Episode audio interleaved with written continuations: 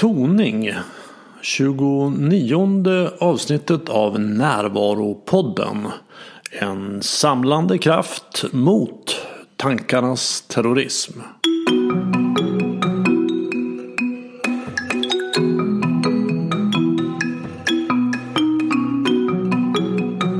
Det här är Bengt Renander och först vill jag puffa för föreläsningen om maskulint och feminint som jag håller i Stockholm den 7 mars. Jag kommer att ge en tydlig och användbar bild av vad maskulin och feminin energi är. Hur du kan använda dem för att skapa balans i ditt liv och inte minst för att få uppleva attraktion och passion. Du kan köpa biljett på min hemsida renander.nu. Det finns en länk under rubriken föreläsningar. De här föreläsningarna har hittills alltid varit fullbokade och det finns en klar tendens att det blir så flera veckor innan. Så om du vill vara säker på att få en plats, boka direkt. Dagens avsnitt handlar om kommunikation genom ljud och musik. Eh, jag får ju många tips om spännande människor att prata med här i podden från er lyssnare och en av er tipsade om dagens gäst, Marie Bergman. Jag minns ju Marie från 70-talet när hon var med och vann Melodifestivalen i sånggruppen Family Four. Och sedan dess har hon haft en framgångsrik karriär som solartist. Men det som fick mig intresserad av att bjuda hit henne är hennes arbete med toning. Det är ju så fascinerande hur musik och ljud påverkar oss. Tal är ju ljud som kommer från tankevärlden och som riktar sig till tankevärlden. Toner och musik har ju en förmåga att passera intellektet och gå direkt till känslan. Från hjärta till hjärta om man ska uttrycka sig lite poetiskt. Den här apsorten som vi tillhör har ju kunnat tänka och prata i storleksordningen hundratusen år. Men vi har ju kunnat kommunicera via ljud i många miljoner år. Och det är kärnan i mitt och Maries samtal. Vi pratar om vad toning är för något och om att använda ljud för att komma i balans. Om att höra hur en känsla låter. Och om att vilja sjunga men tro att man inte kan.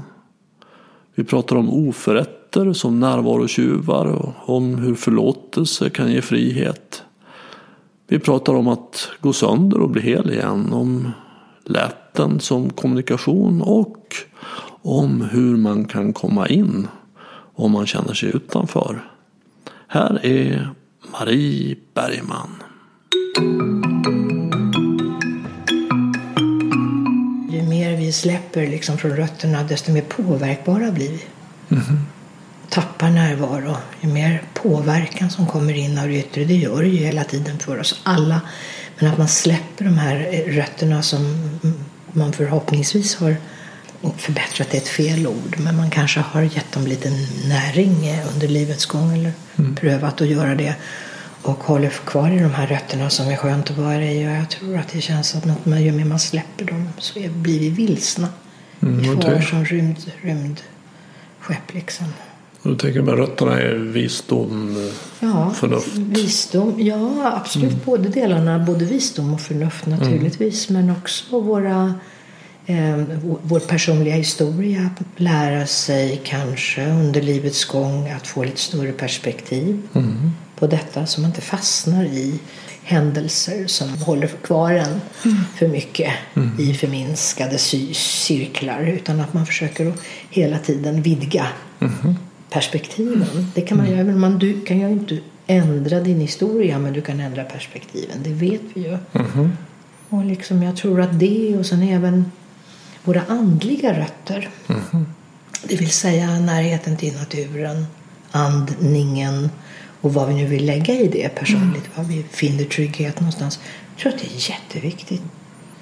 Det ger oss liksom ett hem, en utgångspunkt. Vad nu det är för var och en. Och någon sorts ställe att komma tillbaka till om man har seglat ut för mycket och känner att värderingarna börjar svaja och kommer ut kanske i någon handling som obegriplig. Varför gjorde jag det? Och varför sa jag det? Och varför valde jag det? Och gå tillbaka och reflektera i hemmet. Och sen kanske säga, ja men, eh, ja, men jag försöker att iaktta och lära mig. Vad gjorde jag det där för? Kanske kan göra det, pröva att göra det på ett annat sätt. Mhm. Jag tänker att det, det, det är någonting vi, äger, vi äger den förmågan allihopa. Eller hur? Den, den platsen brukar jag kalla för mitt själv. Alltså Ja. den jag är när jag är närvarande. Ja. Och, är, och, jag, och jag inte kontaktar den platsen ofta så kan jag tappa bort mig själv.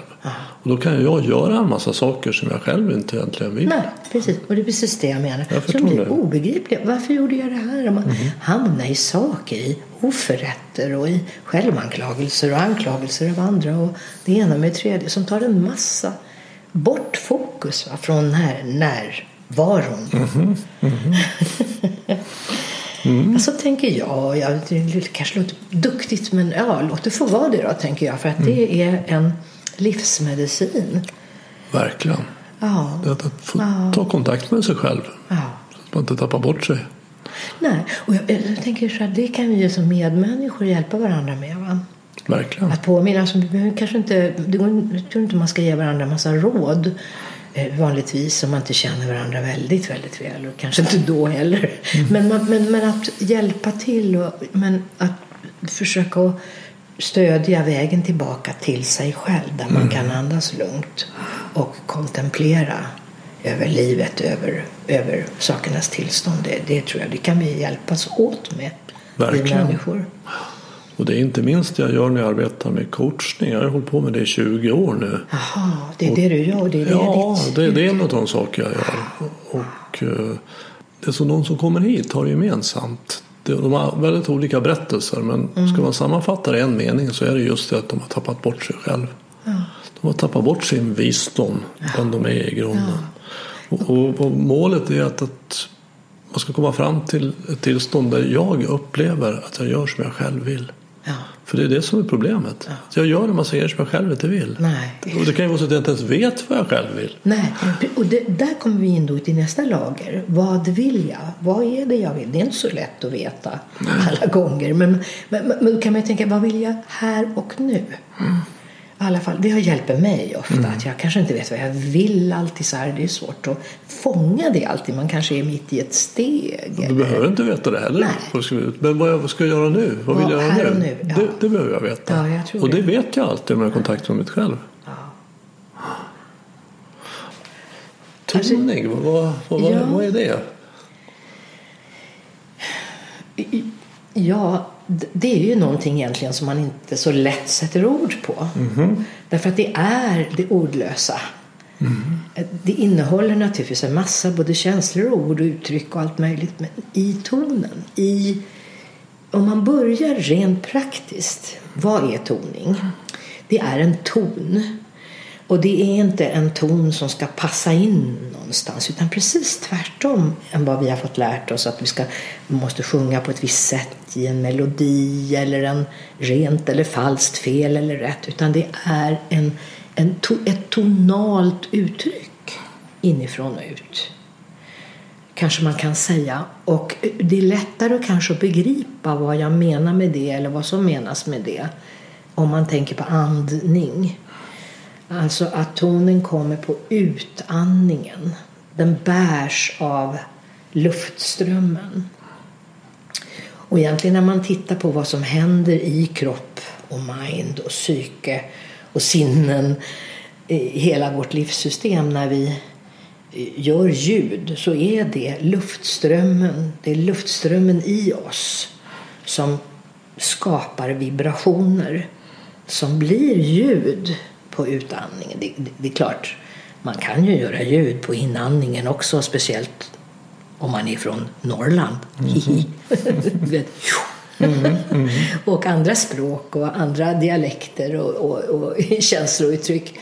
absolut. Men, men mestadels så handlar det om ett långt vokalt, eh, på vokaler, kanske allra mest uttryck med, med utandningen så att du värnar eller tar hand om eller omfamnar kanske man till och med skulle säga den här vibrationen in i dig. Det är egentligen det som det handlar om. Okej, så jag helt enkelt andas ut och sätter stämbanden i rörelse och Ja. ut kommer en ton Ja. som inte behöver passa in någonstans. Ja, precis. You got it baby. Ja. Nej, men ska jag ge ett exempel? Ja, Bara så här, för att det, det är liksom så enkelt det man andas in väldigt genom näsan som vi gjorde på meditationen nyss. Ah,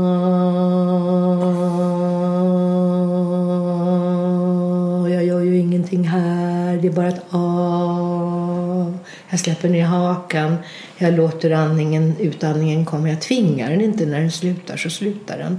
Men den formas i en vokal som till exempel ett A som är väldigt tacksamt att tona på därför att det gör munhålan ganska stor. Och istället för att det blir som en liten låda där inne så kan det faktiskt bli som en katedral. Att det öppnar liksom bomseglen, öppnar munhålan så att det kan så småningom när man gör det här mycket och ofta, det är väldigt skönt, lugnande och centrerande. Så kan man få en klang i det och eh, eh, det kan vad ska jag säga, öka vibrationen medvetet. Medvetet öka stimulans för livssystemen inuti dig. Nu pratar vi om meditativ toning. Det finns olika. Det finns terapeutisk toning och det finns eh, kontemplativ toning, medicinsk toning då du riktar ljudet kanske mot ett område eller var kommer det här ifrån då? Ja du, jag tror att det här är lika gammalt som människan. Och det kommer inte från ett ställe, men det används i många, många urkulturer.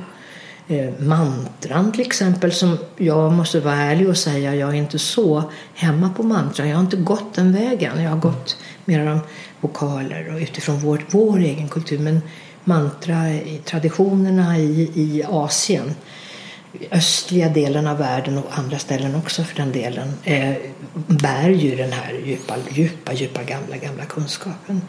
Men jag är ganska övertygad om att vi här i Norden och Skandinavien och på den här kanten av världen också har gjort våra urgamla toningar. Det, är en, jag tror att det är en självregleringsfunktion. Det, verkar väl, det slår mig att det verkar väl troligt att, att innan vi formade ord så kommunicerade vi via ljud. Som alla Ja. andra levande varelser. Ja, de tror ju det. De tror, och det kan vara grymtningar och, och, och, ljud mera. Va? Absolut. Och, Och sen sen blir de här ljuden mer distinkta och då blir det ord. För att ord är ju bara ljud. Ja, det är ju det. Så att det, det har ju betydelse för vårt uttryck. Man får en känsla av att uttrycka sig via ord och ljud. Ja. Så vi skriker och Ja. vi gråter Ja. och låter. När vi, när vi gör, jag är utbildad också på terapeutisk toning och det är någonting annat. Då ska det vara en lite mindre grupp tycker jag. Där man har trygga, trygga relationer med varandra och man ses under en längre tid kontinuerligt för att följa upp. Och där kan du då gå in på mera sådana här, vad ska jag säga, urljud och uttrycka kanske smärta och, och dissonans. Men hela tiden föra det tillbaka in i, i homeostasis som jag kallar det för. Och vad menar du med det? Ja, det är ett intressant ord. Homeostasis är det, det tillstånd i kroppen, eh, personligt tillstånd i kroppen, det tillstånd som jag eh, har där allting fungerar som bäst för mig. Nu pratar jag mina livssystem, mina organ, mina, min, min hjärtkärl, alltså all, alla de här lymfsystemen, alla, de, alla hormonsystemen systemen i mig, matsmältningen inte, inte minst, kan optimalt fungera där allt är lugnt, där det inte finns någon press eller stress eller eh, i alla fall så lite blockeringar som möjligt. Alltså vi har alla blockeringar, alla har spänningar. Men där jag kan hjälpa kroppen, hjälpa sig själv. Det kallas medicinskt för homeostasis. Och det, det, målet är att nå homeostasis. Mm. Alltså att hjälpa kroppen, hjälpa sig själv dit. Där Till balans va? Ja, och där, man kan, där system kan få lov att förnya sig själv och mm. rensa sig själv. Och, och kanske också nå någon, en viss typ av medvetenhet så man kan slippa ifrån eh, de värsta självanklagelserna. Okay. Du vet, och så, som vi alla har. Och den terapeutiska toningen då? Då träffas du med, med en mindre grupp. Ja. Vad, vad gör ni sen? Ja, då gör vi... Först lär vi oss att tona balans. Det är alltid grunden. Du måste ha någonting att stå på. Och det, det tycker jag är, är ofta förbisett när det handlar om sådana här expressiva terapier. Det är jätteviktigt att veta vad är ljuset i mig, om man nu säger det mm. symboliskt.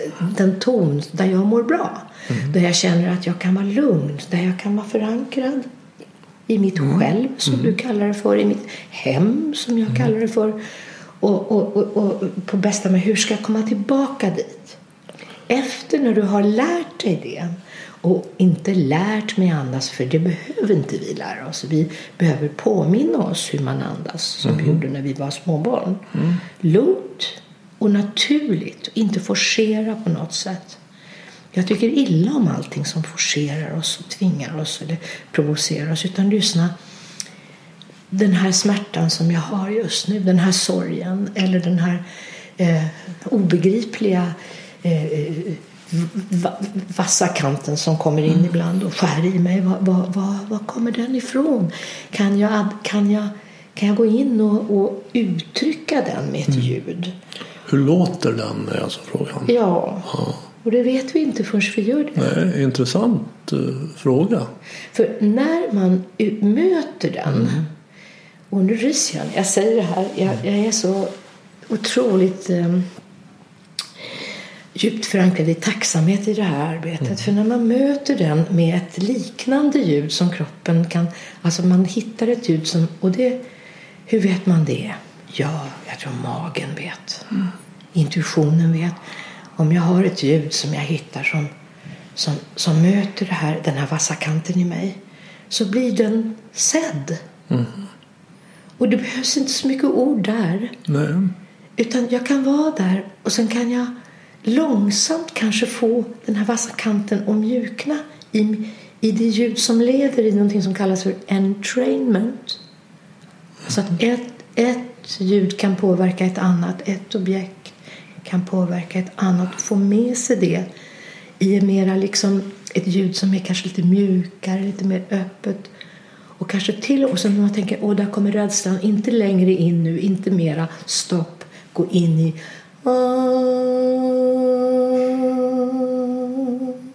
Mm. Det, det, är ungefär som och, och det är att gå in i grundljudet, ja, det trygga ljudet som man hittar in, först? kunna gå in i trygga ljudet. Ah.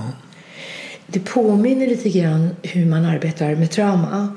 Jag är också utbildad i trauma. Jag har passat på under årens lopp att parallellt med, med mina turnéer och så vidare ta så mycket utbildning jag kan någonsin nå för att veta vad jag inte ska göra och försöka och vad jag kanske ska fokusera på. Och just med trauma så vet vi att om du går för snabbt in i kärna, i vassa kanten, i smärtan så kan du du kan återtraumatiseras och göra det hela värre.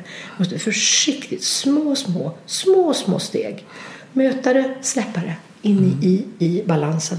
Börja om från början igen.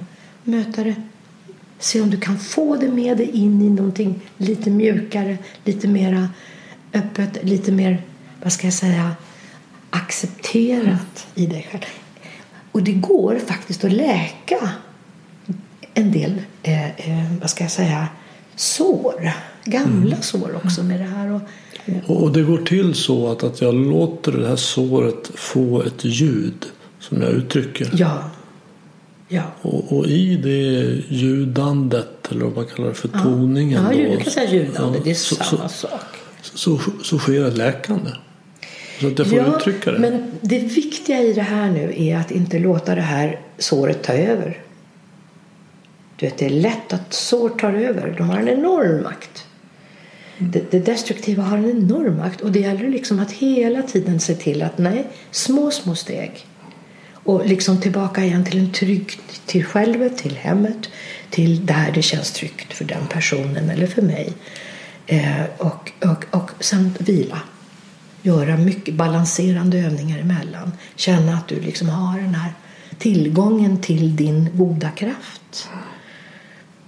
Och eh, det, det, är mycket, mycket intressant. Det när man har arbetat med det här lite grann så får man en djup, djup respekt för människans självläkningskraft. Jag säger inte att, inte att du går att göra något mirakel med allting. Men det är mycket vi kan göra och mycket som vi kan lossa upp och förstå och liksom lära oss att bära i livet och kanske också lära oss någonting av. Mm. Men, men, men, nu pratar vi alltså om terapeutisk toning och den ska göras under mycket, mycket kontrollerade former. Mm. Men, men, men ehm, i Katarinakyrkan så har vi ju då kontemplativ toning och det är någonting som enbart är, det är balanserande. Där går vi inte in i några sår eller smärtor eh, eh, på samma sätt. Mm. Så hur går det till då? Den ja, jag ska säga går inte in men jag menar det är ingenting som vi söker upp. Nej. Utan tvärtom, vi, vi, vi stärker hemmet, vi stärker självet mm. genom den gemensamma kraften. Mm. Så vad gör du då när du är där? Hur går det till? Mm. För den som inte har varit med. Ja, jag började genom någon sorts vision jag hade. Att jag ville undersöka om man kunde ha, använda toningen på ett tryggt sätt och, och utan att alltså inte där gemenskapen stärks och den gemenskapskraften som, som vi, vi vet att vi har. Det är därför vi har kunnat skapa våra samhällen och, och, och vi människor vi har kunnat organisera oss på grund av den här gemenskapskraften. När den slås sönder så blir vi ganska vilse. Det kan vi se eh, runt om i vårt samhälle idag. Att det är svårt mm. att hitta vad, vad, vad kan jag hitta tillbaka till den här en frisk gemenskapskraft. För där finns det en organiserad medkänsla som är djupt läkande för oss människor. Vi flockdjur. Mm, verkligen. Så det att vi tonar tillsammans då? Ja. Nu, låter ska jag tillsammans. Komma in på, precis. Ja. Börjar alltid med att jag går in som inspiration och gör en toning. En, och det, det handlar om ren här och nu improvisation. Mm. Om man pratar musik. Mm. Jag vet aldrig hur jag ska göra det här och jag vill inte veta det. Mm. Jag går in, jag har en skål som jag har valt, en gammal tibetansk skål som jag använder som kulturinstrument. Och tar den ner, vi har olika skålar, jag låter min magkänsla välja vem ska få följa med mig idag. Jag vill, jag vill, är det någon som säger. Och så får den följa med.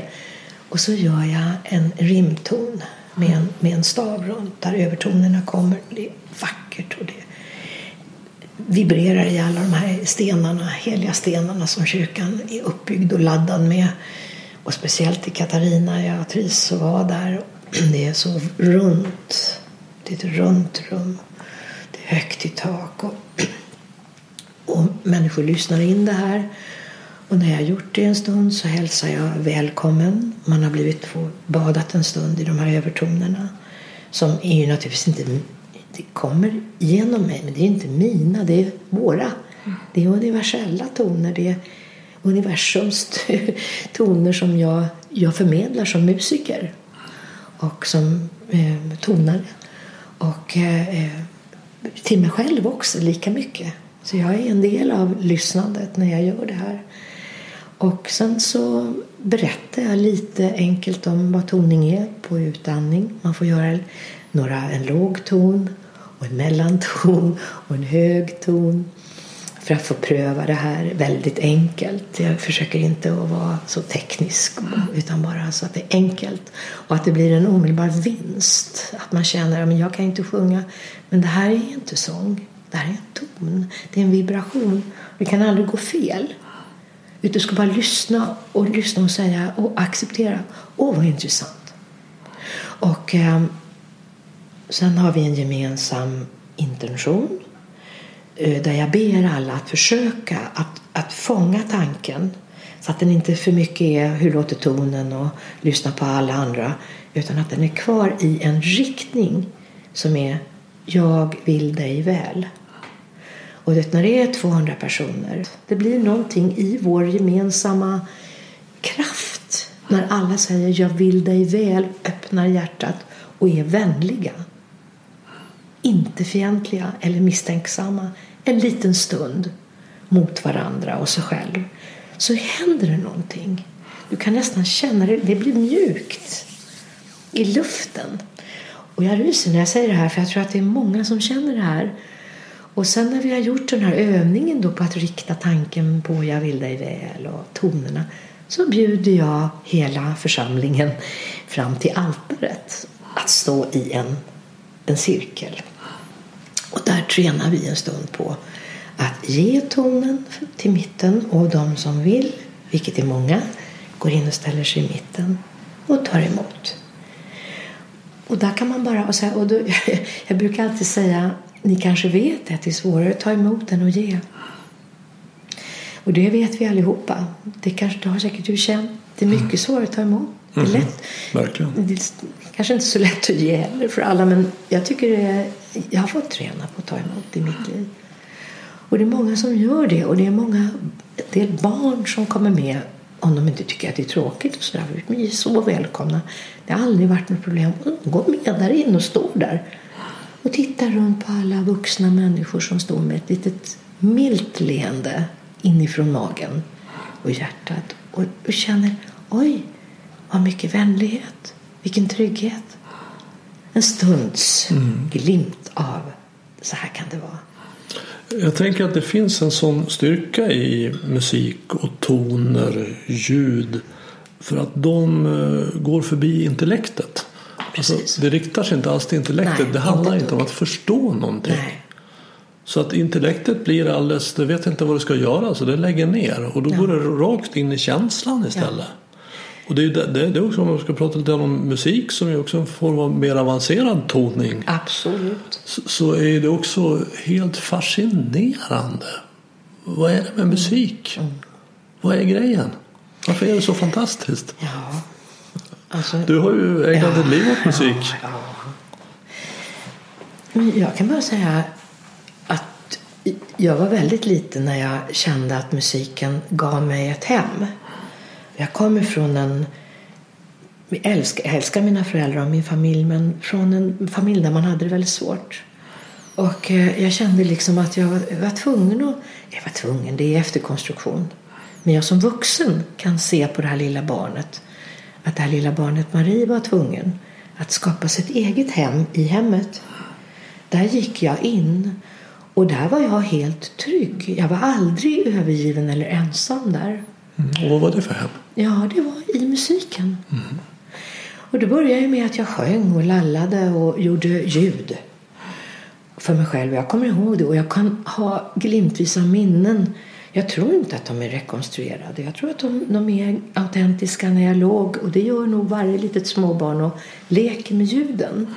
Jag kan ju se det nu i mina små barnbarn och andra små barn hur man leker sig fram till kommunikation. Och eh, det där gjorde jag. Jag fortsatte med det eh, ända upp i tidig skolålder. Och, och sen hittade jag en gitarr, eller jag fick en gitarr av min snälla moster. Och som jag spelade på och som jag hade. Och då var jag i min... Det blev en bubbla då, men det var tvunget att vara en bubbla. Den kom jag ur så småningom. Men inte för senare i livet. Men det var en... Jag skapade den här bubblan.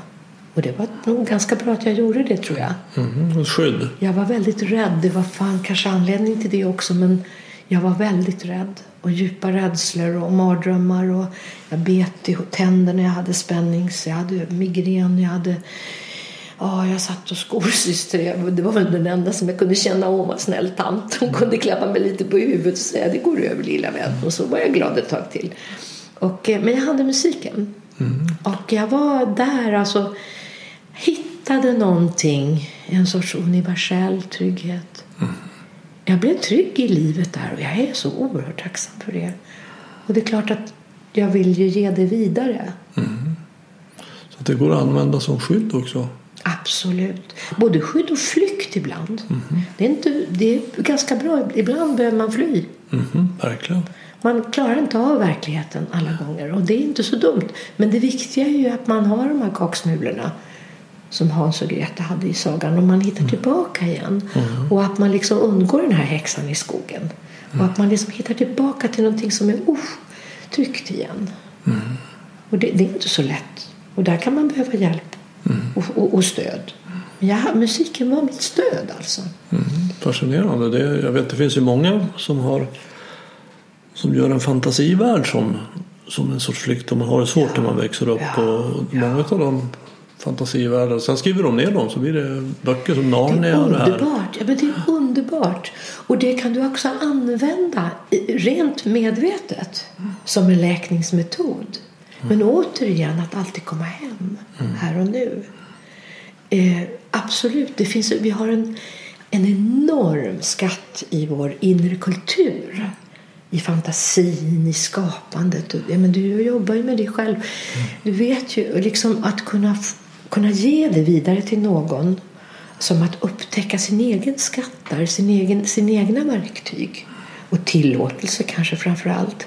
Det är en stor lycka. Alltså. Det finns ingenting som är så varmt och gott för mig. Så är, det är ju egentligen det jag gör när jag står på scenen också. Men då blir det mera kanske lite, jag ska inte säga opersonligare för det tycker jag inte. Men det blir lite mera anonymt därför att det blir liksom i en artistkontext.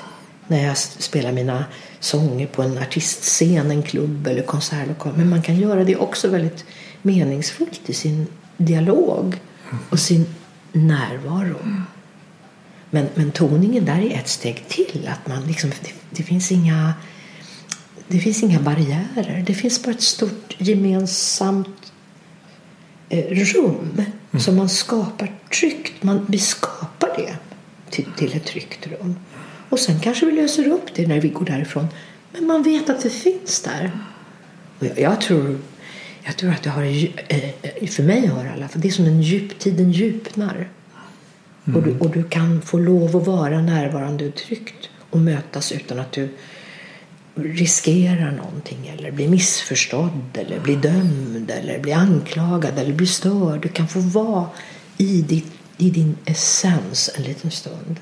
Och det är toning. Ja, det är så fint också tycker jag det här du, du understryker vikten av att inte sätta in prestation och krav. Jag, jag kom ju uppifrån Dalarna när jag var kanske 11 eller 12 år så tyckte mina föräldrar att jag skulle söka till kören i Himlaspelet. Du vet, Jag vet, jag bygdespelet sett där. det. Ja. Och så jag gick där till någon präst som jag satt i ett mörkt rum och jag skulle sjunga upp. Och jag fick inte vara med. Så Oj, jag, oj, oj, jag- jag förstod att jag Ja. kan inte sjunga. Nej. Och det har jag tillbringat mitt liv i, i det tillståndet. Och, Mm. Men känt att det, det bor någon sorts musikalstjärna här i mig som, då som har hamnat i fel kropp. För att jag kan ju inte sjunga. Men sen så sa jag till mig själv jag ska Nej, jag, jag, jag längtar så mycket efter att sjunga. Så att jag, så jag var och lyssnade på något som heter Stockholms musikalkör. Och jag, tyckte, jag satt ju i publiken och jag sjöng med och tyckte att där vill jag vara med. Jag tänkte jag måste ta sånglektioner för att kunna gå och sjunga. Oj, så, jag, ja. så jag gick ut till en sånglektion. Oj, oj. Och när jag var på så, första sånglektionen och, och sjöng Ja. och hörde min röst uttrycka det så tårarna bara rann. Förstår. För där fick jag ut, jag är ganska duktig på att prata och jag skriver och jag uttrycker Mm. mig på väldigt många olika sätt. Men det jag uttryckte där hade jag aldrig Mm. uttryckt tidigare. För det gick bara att uttrycka så med sång. förstår, jag förstår jag när jag tänker på det. Och Det var vilken- fascinerande. Att få sjunga ut, inte tänka, Nej. prata, skriva. Inte döma, utan, utan få växa i det. Mm. Ah. Och jag, jag möter många människor, tyvärr kan jag säga. Inte att jag möter dem, men som bär, tyvärr bär en stor eh, brist kan man säga att det blir ju när man, när man har blivit fråntagen någonting. Som till exempel röstens uttryck. Och det har skett den generationen som var våra lärare, eller min ålder, mina lärare, de förstod inte bättre. Det kanske inte var illvillighet, de ville själva liksom glänsa lite och ha en bra kör och välja bort dem som inte omedelbart sjöng bra. Så de förstod inte vilken, jag tror inte att de förstod i alla fall vilken skada de gjorde. Men de gjorde en Förfärlig skada. De sköt en pil rakt in i det här sårbaraste sårbara delen av hjärtat. Och att bli fråntagen sin rättighet eller sin vad ska jag säga, tillgång, tillåtelse till sång är nog en av de grövsta övergrepp. Det, det är ett övergrepp. Ett rejält övergrepp. Och det kan faktiskt liknas med andra övergrepp som sker därför att du, du, blir, du blir lite handikappad emotionellt. Och det gäller att ta, och sen när du tar tillbaka den där, om du hittar någon som kan hjälpa dig med det, att få lov och få tillåtelse, då kan ju liksom saknaden komma. Jag har gått hela mitt liv och inte gett mig tillåtelse. Varför att den här idioten en gång, kan man tänka som vuxen då, inte hade bättre vett än att säga att jag inte kunde, inte fick. Ja, för, för det är en märklig... eh, Det är en det är enorm förlust alltså. Verkligt teoribygge att man antingen kan så, eller så kan man inte. Det är som man skulle liksom, antingen så kan man spela basket eller inte. Nej, men- Man behöver ju öva. Nej, men det är ju Man kan träna och man kan bli bättre och man kan utvecklas. Men sen fick jag i alla fall vara med i den där kören. Jag Du sökte in- in. Ja, jag kom Ja, in i kören. Ja, när jag gick ja. därifrån vet du, det var tror Ja. mitt livs lyckligaste ögonblick. Och Det var fantastiskt fint att få sjunga då, där tillsammans Ja, men med vilken andra. lycka! Men då gäller det ju va, när man har känt den här, att man har gått kanske långa, långa tider och sörjt sin röst. Och så får man tillbaka liksom då den här och att man då inte fastnar i den här sorgen. Utan att man omvandlar den och, och förlåter det här tillfället och sig själv. Att man har hållit sig själv fast i den auktoritära eh, eh, den auktoriteten som, har liksom, som man litar på när man växer upp under känsliga tonårstiden där och någon säger att man inte får och kan. Och att man liksom förlåter både sig själv och situationen och kanske om man klarar av det den personen som gjorde det. För den visste inte bättre. Precis. Stackars den personen. Det är fint du säger att, att just hur förlåtelse släpper en fri. Ja, ja, ja. Annars är det lätt att fastna i det gamla. Ja. Och det, är, det drar bort ens närvaro. Det oförlåtna drar verkligen bort närvaro. Det oförsonade och det oförlåtna är en riktig brottsling. Alltså En tjuv. närvarotjuv. En närvarotjuv är vad det är. Och jag tror man måste om och om liksom ta en dust med det där. Det är så lätt att fastna i det. är lätt att fastna i oförrätten. Mm. Men att, att liksom hitta, och sen hitta någon metod som, eller redskap kanske bättre att säga, för en själv som fungerar där man kan få lov att släppa. Det är rikedom att kunna få lov att göra det. Och kanske man måste ha lite hjälp där på vägen. Absolut, jo, för, för det, är inte, det är inte lätt. Men det, men det är möjligt. Det är möjligt. Det är mer intressant. Det är inte lätt men möjligt. Något jag har lagt märke till här när, som slår mig nu, du pratar om kritik och så att, att när jag sjunger, om jag tänker att ingen hör mig, då kan jag sjunga ut och då tycker jag det låter riktigt bra. Men sen om jag är hemma här till exempel och så får jag för mig att en granne hör. I samma ögonblick så kopplas då kritiken in och påverkar min röst Ja. direkt. Så Ja. att ja, då kan jag inte sjunga alls. Nej. Nej. Och jag tycker det är så intressant hur tankevärlden går in och förstör i känslovärlden. För jag Ja. säga, sång och musik är ju känslor. Om vi tänker att de här tre systemen, fysiska förnimmelser, känslor och tankar. Absolut. Så är sång helt fysiska förnimmelser och känslor. Ja. Och det är det som är så fantastiskt med musik. Ja, visst. Att kunna vända tankar som har hakat upp sig.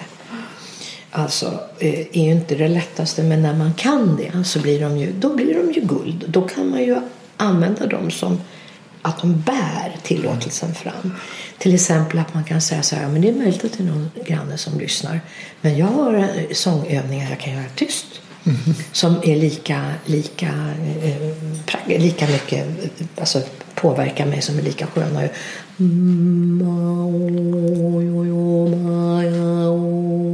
Som tar hela systemet, hela andningen, hela klangen. Och jag vet att det kan ingen höra i alla fall här runt omkring. Då kan jag göra det när jag känner oh, nu har folk kommit hem, jag hör ljud där, lyssnar. Alltså att man hela tiden har ett, ett, en, en, en ver- verktygsväska på något sätt. Alltså man kan, För att jag tror inte man kan heller hålla på och uppfostra sig själv intellektuellt och kontrollera och säga jag får inte tänka så, vad dumt. Och det hjälper ju inte, det blir bara värre. Men att man har, ja men då kan jag göra så här. Jag kan, eh, jag kan sätta mig och humma, vilket är jättebra för sångare. Toning är superbra för sångrösten om man så vill. Mhm. Alltså det är en jättebra ingång. För egentligen får du lära dig allt som är väsentligt för sång i toningen fast utan prestation.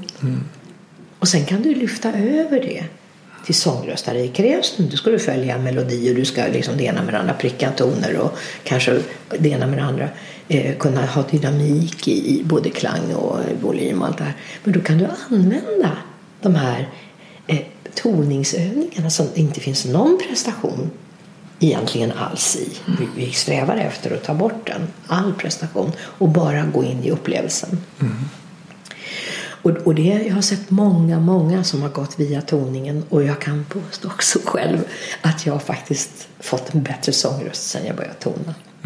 Den är mindre, den är mindre, den, den håller sig i hemmet mer alltså. Mm. Hur kom du i kontakt med toningen? Jag råkade ut för jättemycket röstproblem. På, ja, det här var kanske slutet på 80-talet, mitten av 80-talet. Och det var ganska ordentliga problem. Och jag var ute, jag försökte skrika mig loss från min smärta. Och det är ju vansinnigt. Va? Det, det, det går ju inte till mer än en viss grad. Därför att du kan, precis som vi pratade om förut, i traumatiska smärtor som vi alla bär mer eller mindre av, så kan du förstärka det istället. Och jag tror efteråt nu att, att jag gjorde det. Var du på skrikterapier? och- Nej, på scenen. Okej. Wow, okej. jag bara liksom, och jag kallades för eh, kärnkraftverket från Sverige. jag tittade på gamla recensioner och tänkte men det är inte sant. Och jag, jag använde rösten otroligt hårt alltså. Och jag försökte sjunga mig ur mina begränsningar. Och det var ju inte så dumt tankemässigt sett men jag hade, inga, jag hade ingen redskap, inga metoder. Jag bara eh, gapa. Och det finns ju många som gör det. Och jag gjorde bara en av dem tills det inte gick längre. Och jag, jag, jag fick helt stopp. Och jag fick eh, ett år off. Alltså jag var, hade tur. Jag gjorde inte djupt illa mig. Jag skar mig inte så djupt med min... Det var ett övergrepp på mig själv kan man säga. Men, och så fick Det är stämbanden som tar stryk? Ja, allt. Jag hade all, alla möjliga. Alltså jag bara, alltså jag bara jag vägrade eh, känna trötthet, vägrade känna smärta, vägrade känna uttaget. Jag bara sjöng. Och eh, eh, eh, var ute på turné, sov lite, kom hem, hade småbarnen. Då var det bara de som gällde. Så jag fick aldrig någon vila och det var underbart. Det var, funkade på ett sätt tills jag upptäckte att det här var ju faktiskt ganska självdestruktivt. Och, eh, och det sa min kropp ifrån att nu Marie Bergman så slutar du eller så lägger vi ner dig. och eh, det var så att jag stod framför 38 000 personer i Fälletparken i Danmark. Och vet du, ju mer jag nästan sjöng så att det kom blod ur mig, ju mer applåderade människor. Hon är så fantastisk. Hon skriker ut sin själsmärta. Wow! Och ju mer, jag gjorde, ju mer beröm jag fick för det, ju mer skrek jag. Du känner igen det? Du vet det där? Alltså, man får, jag Vi fångade... vill ju vara älskbara. Ja, vi vill det som och jag trodde liksom att jag, jag... Och det var många som blev väldigt inspirerade. Och wow, jag, jag verkligen gjorde det. Och jag, och jag blev hes och jag vägrade att förminska mig. Jag bara äh, pressa igenom mina känslor. Och det här gjorde jag väldigt mycket på danska rock'n'roll-scener och i Norge. Och eh, eh, där jag blev liksom väldigt uppskattad för det här expressiva. Och jag kom in i det här under flera år. Tills jag upptäckte och förstod att det här är inte bra för någon. Jag, jag, jag, jag blev liksom bara fångad i någon form av eh, självdestruktivitet. Och så sa kroppen nej. Jag lades in på sjukhus. Jag var helt utmattad. Det var liksom värre än en utmattnings... Jag hade gått förbi den där. Men det var många väggar jag hade gått igenom. ja, men alltså hur... Så vi är ju sådana. Och jag vill ju, jag vill ju komma ur. Jag vill ju komma igenom. Det blev bara värre och värre. Min klump här inne blev värre och värre. Och till slut så låg jag där i sängen och ett år så jag pratade, jag fick operera mig både här och där. Jag fick alla möjliga symptom i kroppen. Och de klarade av, jag kunde restaurera och reparera allting faktiskt. Och sen var det rösten kvar. Och då, tänkte, då började jag då liksom att beforska. Vad är ljud? Och det var ju det bästa gåvan jag kunde få. För jag kunde inte göra något annat. Och jag tog det lugnt, jag sov, jag vilade, jag mediterade. Jag började göra qigong, jag har gjort qigong i 25 år. Eh, jag började känna att jag började röra mig långsamt, du vet, lära mig och, och, och, och fånga in mina vilda hästar. Och känna men nu ska, vi ska, jag ska inte förstöra er, jag ska inte tämja er så ni blir dumma i huvudet. Utan jag ska bara lära er att samarbeta med min intensitet. Och då började en annan resa. Och efter det året så började jag sjunga jazz. Och det blev plötsligt så ringde de från Danmarks eh, stora fantastiska storband, Danish Big Band. Och jag är uppvuxen med syskon som är jazzmusiker. Så jag är uppvuxen med Ella Fitzgerald, Sarah Vaughan och fantastiska John Coltranes saxofon i min själ. Och jag tänkte, ja men det här blir bra. Nu kan jag gå ifrån min egen musik ett tag så att jag får nollställa den. Så att jag inte hamnar i gamla mönster för snabbt. Och jag gick den vägen några år. Och det var fantastiskt för att då fick jag lära mig en annan sångteknik. Och jag säger teknik med stor respekt, inte som någon sorts kontroll utan som en hjälp. Mm. Hur ska jag få sånga, hur ska jag få sånglinjerna långa utan att pressa? Hur ska jag liksom eh, kunna eh, använda andningen så att jag kan liksom få de här mjuka, långa vokalerna stanna i ljuden, i orden. Eh, hitta liksom dynamiken på ett annat sätt, inte gå över kanten så snabbt och pressa. Allt det här höll jag på med i flera år. Och i samband med det fick jag en förfrågan om, eh, i Danmark om att bli gästprofessor i sång. Mm. Därför att man såg de här, den här, både den här eh, råa sidan i, min, i, min, i mitt uttryck och den här lite då kan man säga mer kultiverade. Och man tyckte det var intressant hur jag hade hittat det utan att förminska mitt personliga uttryck. Jag skapade en pedagogik där det handlade om att uttrycket var, hemmet i uttrycket var det viktigaste men tekniken var ett stöd. Det var inte tekniken som var det viktigaste, vilket var det rådande på skolorna. Och folk hade problem för att det var att de fastnade i teknik. Men vi hittade en mellanting som förlöste många av de unga sångarnas uttryck. Och de kunde gå ut i ett personligt uttryck. Och jag hittade också sätt att förmedla det här på som jag tyckte, och i det fanns också en andlig dimension. Mm. Och vad var den? Ja, det handlade just om det här med hemmet, självet, mm. trygg, den universella tryggheten. Eh, att hitta min rätt att få vara där och få ha den. Mm. Så för dig så handlar det också om att hitta hem? Ja. Och jag tror att det, det handlar om det för de, för de flesta av oss på ett eller annat sätt. Mm. På olika sätt naturligtvis. Men Ja, vem vill inte hitta hem? Ja, ja det tycker jag är ett ganska rimligt sätt att se vad livet va, handlar om. Och vad det handlar om alltså, för var Det är jag ja. kanske inte ska göra på mitt sätt men det var ett sätt för mig att och efter det började jag intressera mig av ljudhelande. Så jag gick en massa utbildningar. Och, och, och, och, det, var, det är bra att gå utbildningar men man kan också lära sig vad man inte ska göra på en utbildning. Och jag gick eh, i Europa i två år nu en sån en ljud healing-utbildning som jag, ja det var mycket bra där och jag fick loss mitt eget, in, alltså någon sorts tillåtelse för att vara ännu mer friare i mina ljud och mina, framförallt mina sårbara ljud. Och ljudhealing, är det toning det? Ja, det ja. blev det för mig. Mm. För att jag avskyr allt som provocerar och mm. kontrollerar för mycket. Mm. Utan jag tror att det finns en, en livsvilja i allt som lever. Och det är den jag vill ha tag i. Mm. Den önskan att själv liksom fortsätta eller förstora rummet eller grunda sig i rummet. Och det ska inte, det ska inte tvingas fram. Det var det jag hade gjort. Nästan tagit livet av mig själv. Så sen blev det så att jag tog det här hem till mitt hem och jag kontaktade Olle eh, Karlsson i Katarina församling och sa att jag skulle vilja jag har en vision att jag ska göra det här i kyrkan med, med människor som kommer av fri vilja Och, och vi prövar några gånger och ser och sen visade det sig vara som, en sån fint koncept. Alla var, blev glada i själen och öppna och varma. Mm. Så både han och jag bestämde oss för att det här gör vi så mycket så länge jag orkar och vill och har överskott. För det är ju helt fritt. Jag gör det här som en social... Mm. Ja, det är min, eh, min socialtjänst. Mm. jag tycker alla ska göra en socialtjänst. Det där är min.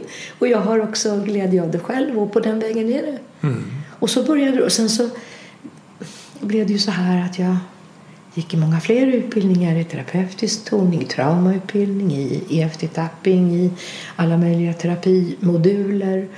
Och ja, ibland sätter jag samman det där och ser vad finns det för möjligheter så man kan använda sin inre kultur, sin inre röst och sin inifrån ut. Kan man, och jag är fullt övertygad om här i mitt liv här och nu att vi har enorma möjligheter vi människor som vi ofta inte använder därför att vi har blivit stoppade och fråntagna vårt uttryck, vårt autentiska uttryck.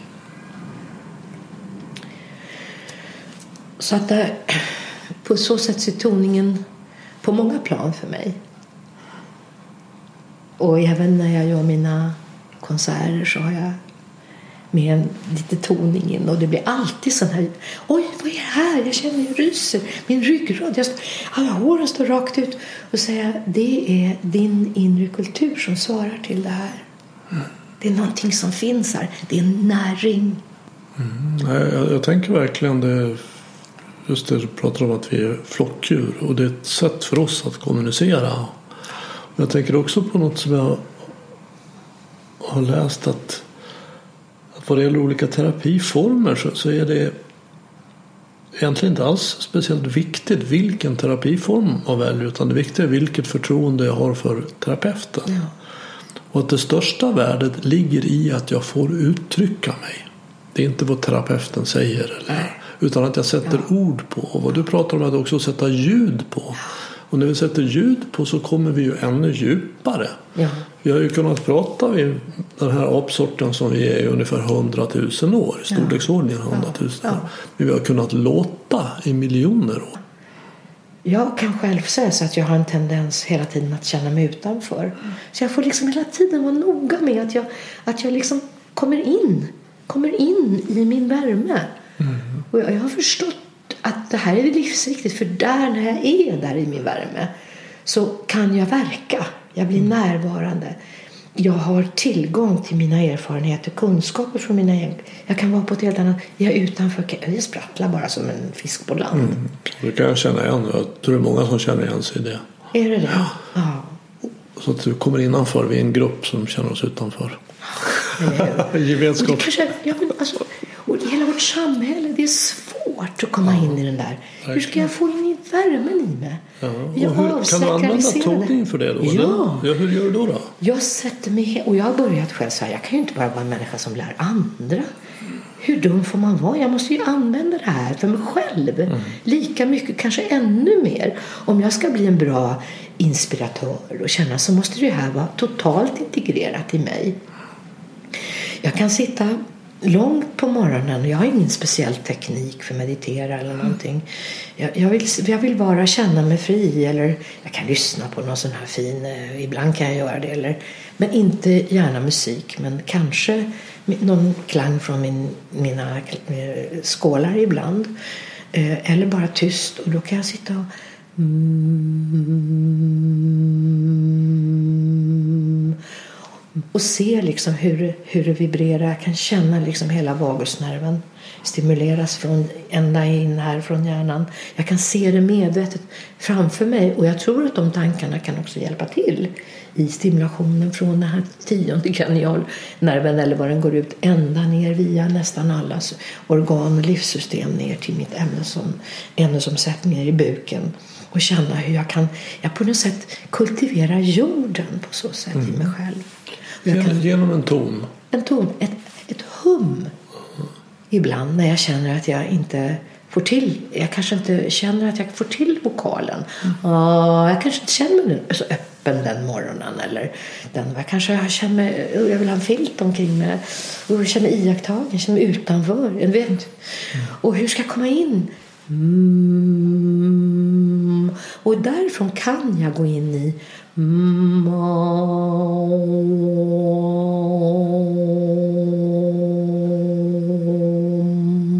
Ingen press, inte några speciella tankar. Jag bara känner att värmen kommer inifrån. Mm. Och att jag blir på något sätt, upplever jag det som, uppkopplad i någon universell känsla som också får mig att komma in i mitt, det jag kallar för hem eller själv. Eller, mm. Det är någon sorts förankring här. Spännande. Och det är inget, inget svårt, ingen speciell utan bara det har ju med att sätta sig där. Så kommer hundarna och så kommer katten och mm. när jag barnbarnen så kommer de med. Så det är en liten hög där på ja, golvet så, så är du inte ensam längre. Nej, du har steget utanför. Jag hörde dig eh, sjunga nu så, så, kom, så associerade jag med de här tibetanska strupsången. Ja, just det.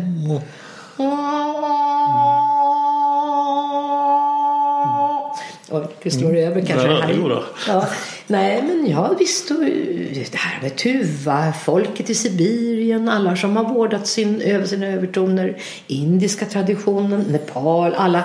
Det är ju de östliga gamla traditionerna som har kanske bevarat det här mest som fortfarande finns kvar. Människor som, som vårdar den här gamla övertonstraditionen och som har använt det alltså till alla syften. Andliga syften, ja visst, men också medicinska syften, livssyften, också till glädje att skapa sin inre kultur, att eller värna om sin inre kultur. Att överhuvudtaget vara medveten om att vi har en inre kultur. Mm. Vi skulle vilja förändra bilden av toner och, och, och musik till någonting lite roligt någonstans där i ytterändan och sätta det till, ta in det i centrum. Så att det här är otroligt väsentligt. Ja. Alltså, ja. Det, musik, toner, ljud fyller en väldigt, väldigt viktig roll. Just att den inre kulturen kan förstöra världen och den kan förändra världen och den kanske också, också kan reparera världen. Eller reglera världen. Mm. Den har alla, den, det är liksom ett material vi har här. Men vi måste förstå att det inte liksom, det börjar inte utanför oss. Det handlar inte bara om saker som händer utanför i andra människor eller i omvärlden. Utan det är de värderingar som vi odlar och värnar. Och hur odlar vi dem? Vad är det för jord vi har där inne? Som, är, som har en självreglering i sig. Men om vi förstör den och inte förstår hur vi ska värna om den då, då blir våra handlingar och de tankar som kommer ut också förstörande.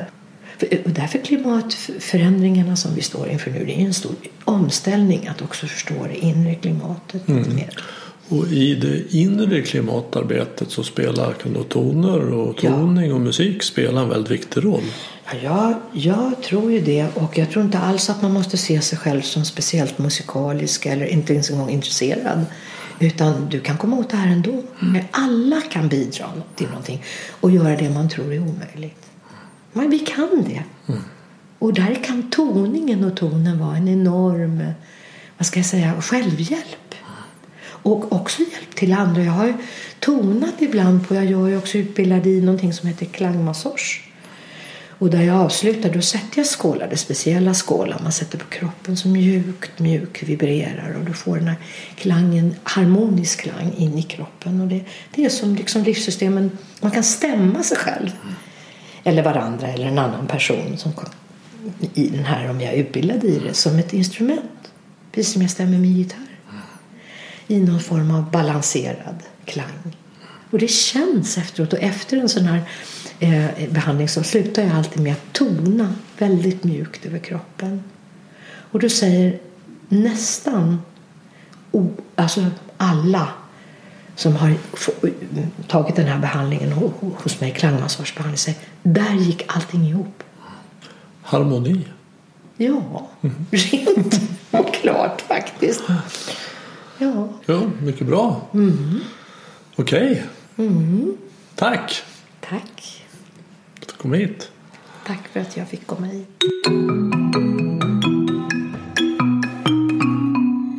Om du vill komma i kontakt med Marie eller se var och när du kan vara med på hennes toningar så finns en länk till hennes hemsida i anslutning till poddavsnittet på min hemsida renander.nu. Jag har också lovat Daniel Ek, som var med i avsnitt 22 av Närvaropodden, att sprida kunskap om en stressstudie som han gör i samarbete med Karolinska institutet.